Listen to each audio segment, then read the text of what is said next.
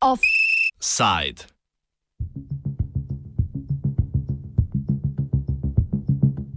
Euro Hrvaška.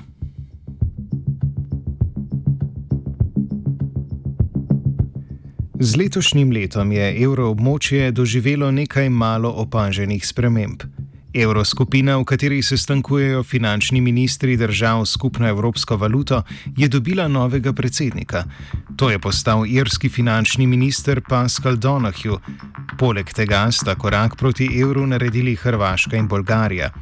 Obe sta namreč vstopili v sistem usklajenih tečajnih razmeri, imenovan Exchange Rate Mechanism 2, bolj znan po kratici IRM 2. To pomeni, da bosta bolgarski lev in hrvaška kuna v stalnem menjalnem razmerju z evrom. V današnjem offsajdu se bomo ukvarjali predvsem z našo južno sosedo. Več o tem, kaj za Hrvaško pomeni vstop v sistem IRM-2, profesor iz ekonomske fakultete Univerze v Zagrebu Vladimir Arčevič. Sada je Hrvatska ušla u jednu svojevrsnu čekaonicu za euro uh, i sa ulaskom u RM2 uh, poanta je u tome da se zapravo neće ništa konkretno promijeniti jer ulazak u RM2 znači da mi moramo barem dvije godine održavati tečaj i cijene stabilnima i zadovoljavati određene uvjete, tako da smo na jednom, ajmo tako reći, probnom roku. A, međutim, što se tiče ovih nekakvih kriterija vezanih za tečaj i inflaciju, to Hrvatskoj neće nikako biti problem održati jer tečaj i inflacija su stabilni u Hrvatskoj od zadnjih preko 20-25 godina. E, tako da zapravo ti faktori neće biti nešto pretjerano e, teški za održati. Za hrvaške državljane sicer prevzem evra ne bo prevelik šok. Vrčevanje v evrih je namreč splošno razširjeno, prav tako imajo tako posamezniki kot tudi podjetja v evrih približno polovico kreditov. Nadaljuje Arčevič. Hrvatski građani su poprilično navikli na eure E, ne za ove nekakve dnevne transakcije tipa kava, novine ili, ili špeceraj, znači ono namjenice i to, nego znači, e, cijene stanova se izražavaju e, u pravilu u eurima, cijene apartmana na moru su uvijek u eurima, cijene recimo rabljenih automobila, pa čak i novih automobila se isto iskazuju u eurima, iako se to sve zapravo plaća E, plaća u kunama. Primjerice, ne znam, ako kupujete stan i kažete nekome kupio sam stan, ok, koja je bila cijena po kvadratu, niko vam neće reći da je cijena po kvadratu bila, ne znam, 5 ili 6 tisuća kuna, nego će vam reći, ne znam, bila je uh, tisuću eura, dvije tisuće eura, tisuću Kuna ima sicer z evrom že dve desetletji bolj ali manj fiksen tečaj. To bo po mnenju Ljuba Jurčiča, ekonomista in ministra za ekonomijo med letoma 2002 in 2003 v času vlade Ivice Račana, imelo za Hrvaško številne negativne posledice, saj so stroški dela na Hrvaškem naraščali hitreje kot v državah z evrom, s tem pa je hrvaško gospodarstvo postajalo vse bolj nekonkurenčno. Mi smo protekli 25 godina imali kunu, a zapravo smo imali evro.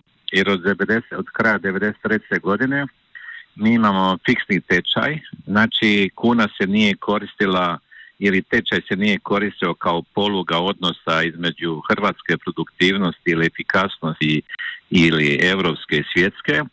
Tako da je e, Hrvatska zbog rasta troškova, zbog tranzicije, zbog rata, zbog socijalističkog sustava i tako dalje, troškovi proizvodnje su u Hrvatskoj rasli, a, a Europa je imala puno velike stope razvoja tako da su troškovi proizvodnje relativno u Europi padali, a troškovi proizvodnje relativno su i apsolutno u Hrvatskoj rasli, tako da je Hrvatska kroz ovih 25 godina izgubila konkurentnost svoje industrije, to je uništilo industriju e, s jedne strane. Tako da mi sada sa ovom situacijom ulaska u euro, ako uđemo, mi samo de facto potvrđujemo, odnosno zacementiramo, odnosno fiksiramo tu situaciju nekonkurentnosti hrvatskog gospodarstva s jedne strane, s druge strane ovih 25 godina nismo razvili institucionalni sustav koji bi razvijao Hrvatsku, povećavao efikasnost i smanjivao troškove, tako da je to za Hrvatsku gledajući sa ekonomske točke gledišta vrlo, bila bi vrlo loša odluka uvesti euro. S tem, ko se je Hrvaška pridružila sistemu IRM-2, se je tudi uradno odpovedala možnosti, da upravlja z vrednostjo svoje valute, s tem pa delu svoje suverenosti. Številne države, naprimer Poljska in Češka, ki ima sicer bolj razvito gospodarstvo kot Hrvaška, so se prav zaradi tega odločile, da se sistemu ne pridružijo. Ko se je predhodniku sedanjega sistema, sistemu IRM-1, pridružilo Združeno kraljestvo, je to močno razdelilo britansko politiko. Ko pa so Britanci nekaj let kasneje sistem zapustili, je takratni finančni minister Nigel Lawson po lastnem pričanju od veselja pil pod prho.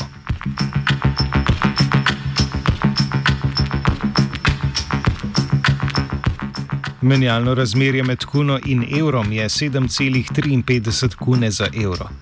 Veliko ekonomistov meni, da je pri tem razmerju kuna predraga. O tem, ali meni, da je kuna precenjena, Arčevič.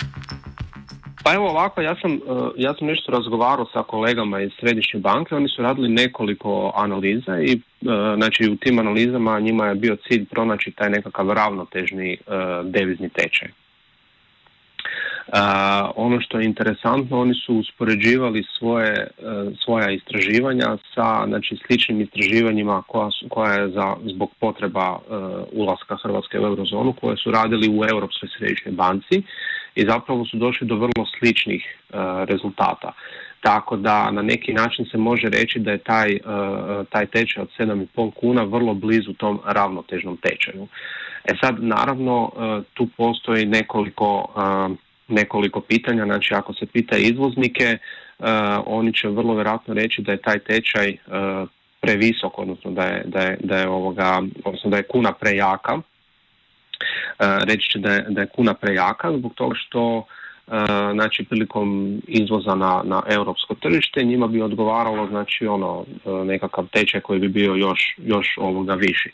Međutim ono što kažem, ono što, što, što je na, na neki način ovoga prosječna vrijednost tečaja, to je tih nekakvih 7,5 kuna, da bi se sad išao na, neko bitno mijenjanje tečaja prema gore ili, ili prema dolje, to bi bilo zapravo poprilično neobično uh, i možda bi zapravo stvorilo neku nepotrebnu neizvjesnost. Ovako zapravo će se uh, euri mijenjati po onom tečaju po kojem su zapravo građani već, već i navikli.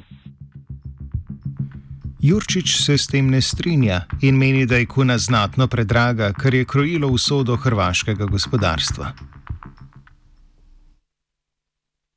Recimo, kad, mi, kad naš izvoznik promijeni euro za 7,5 kuna dobije, on ne može pokriti troškove proizvodnje i on jednostavno otpada. Pored toga, zemlje zapadne Europe, počev od Slovenije pa dalje, imaju velike stope razvoja i oni sa tim razvojem smanjuju troškove proizvodnje postojećim proizvodima i stvara nove proizvode.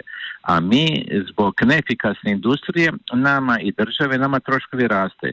Tako da se tu pojavljuju škare, gdje s jedne strane strana roba postaje sve jeftinija za naše kupce, a domaća roba postaje sve skuplja. I tako da je ta politika tog tečaja koja nije pratila kretanje relativnih cijena je zapravo uništa hrvatsku industriju.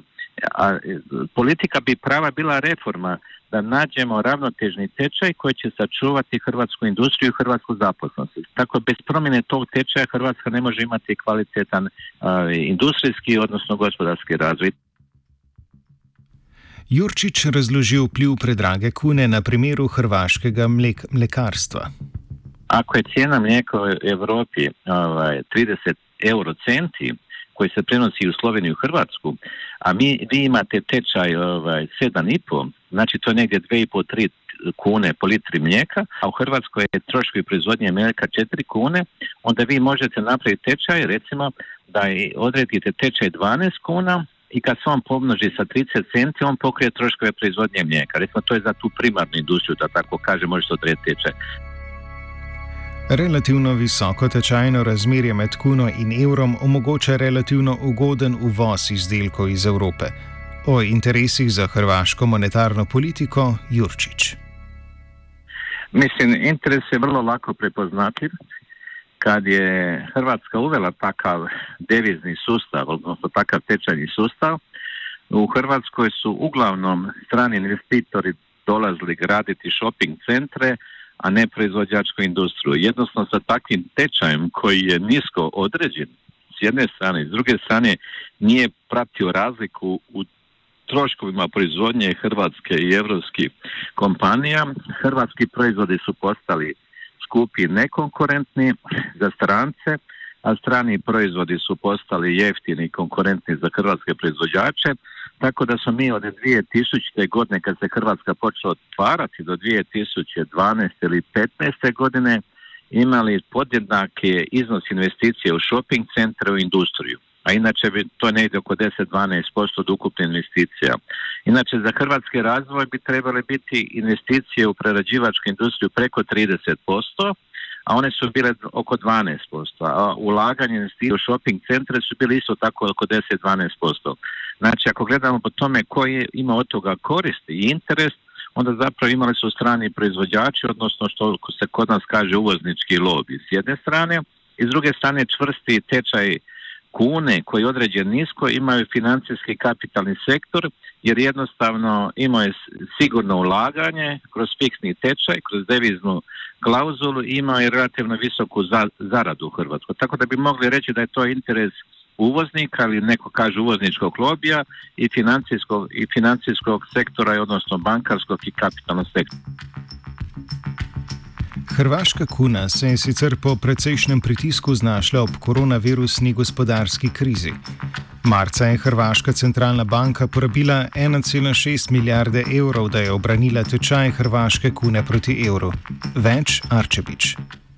A, pa znači tečaj kuna euro je zapravo uh, ključan za Hrvatsku narodnu banku jer ona na taj način zapravo drži inflaciju pod kontrolom. Uh, znači Hrvatska kuna, odnosno tečaj hrvatske kune u pravilu fluktuira u nekom vrlo malom rasponu uh, oko uh, 7,5 kuna za 1 euro.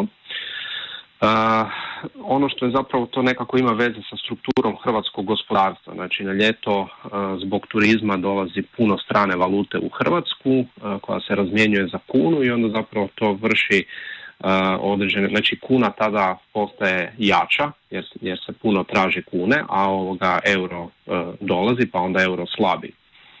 E, međutim, sa korona krizom je zapravo došlo do obrnutoga. Kuna je počela e, slabiti i tečaj se popeo na oko 7,6 ili tako nešto što je zapravo više od nekakvog ono dugoročnog prosjeka i zbog toga je Hrvatska narodna banka odlučila u nekoliko navrata intervenirati kako bi, e, znači na deviznim, na deviznim aukcijama, kako bi zapravo zadržala tečaj na tom nekakvom dugoročnom prosjeku.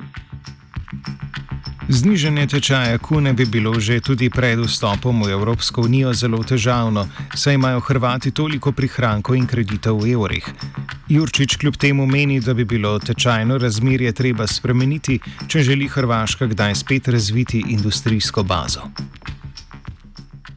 Pa kuna je učinila svoje, ona je od 1994. godine do danas uništila glavni dio hrvatske industrije. I tako kad bi mi danas devalvirali kunu, onda se nema šta dignuti jer te industrije više ne postoje. Tako. Znači ovdje bi trebalo najprije Hrvatska napraviti takozvanu industrijsku politiku, odnosno vidjeti kakve resurse ima i gdje se može zaokuružiti proizvodnja. Ono što kad traži Europa smart specialization, da vidi se ove resursi koji postoje u Hrvatskoj, u kojim proizvodnjama se oni mogu ovaj, organizirati, koje je potrebno znanje, infrastruktura, tehnologija i onda je treće pitanje koje je potrebna relativna cijena, odnosno tečaj.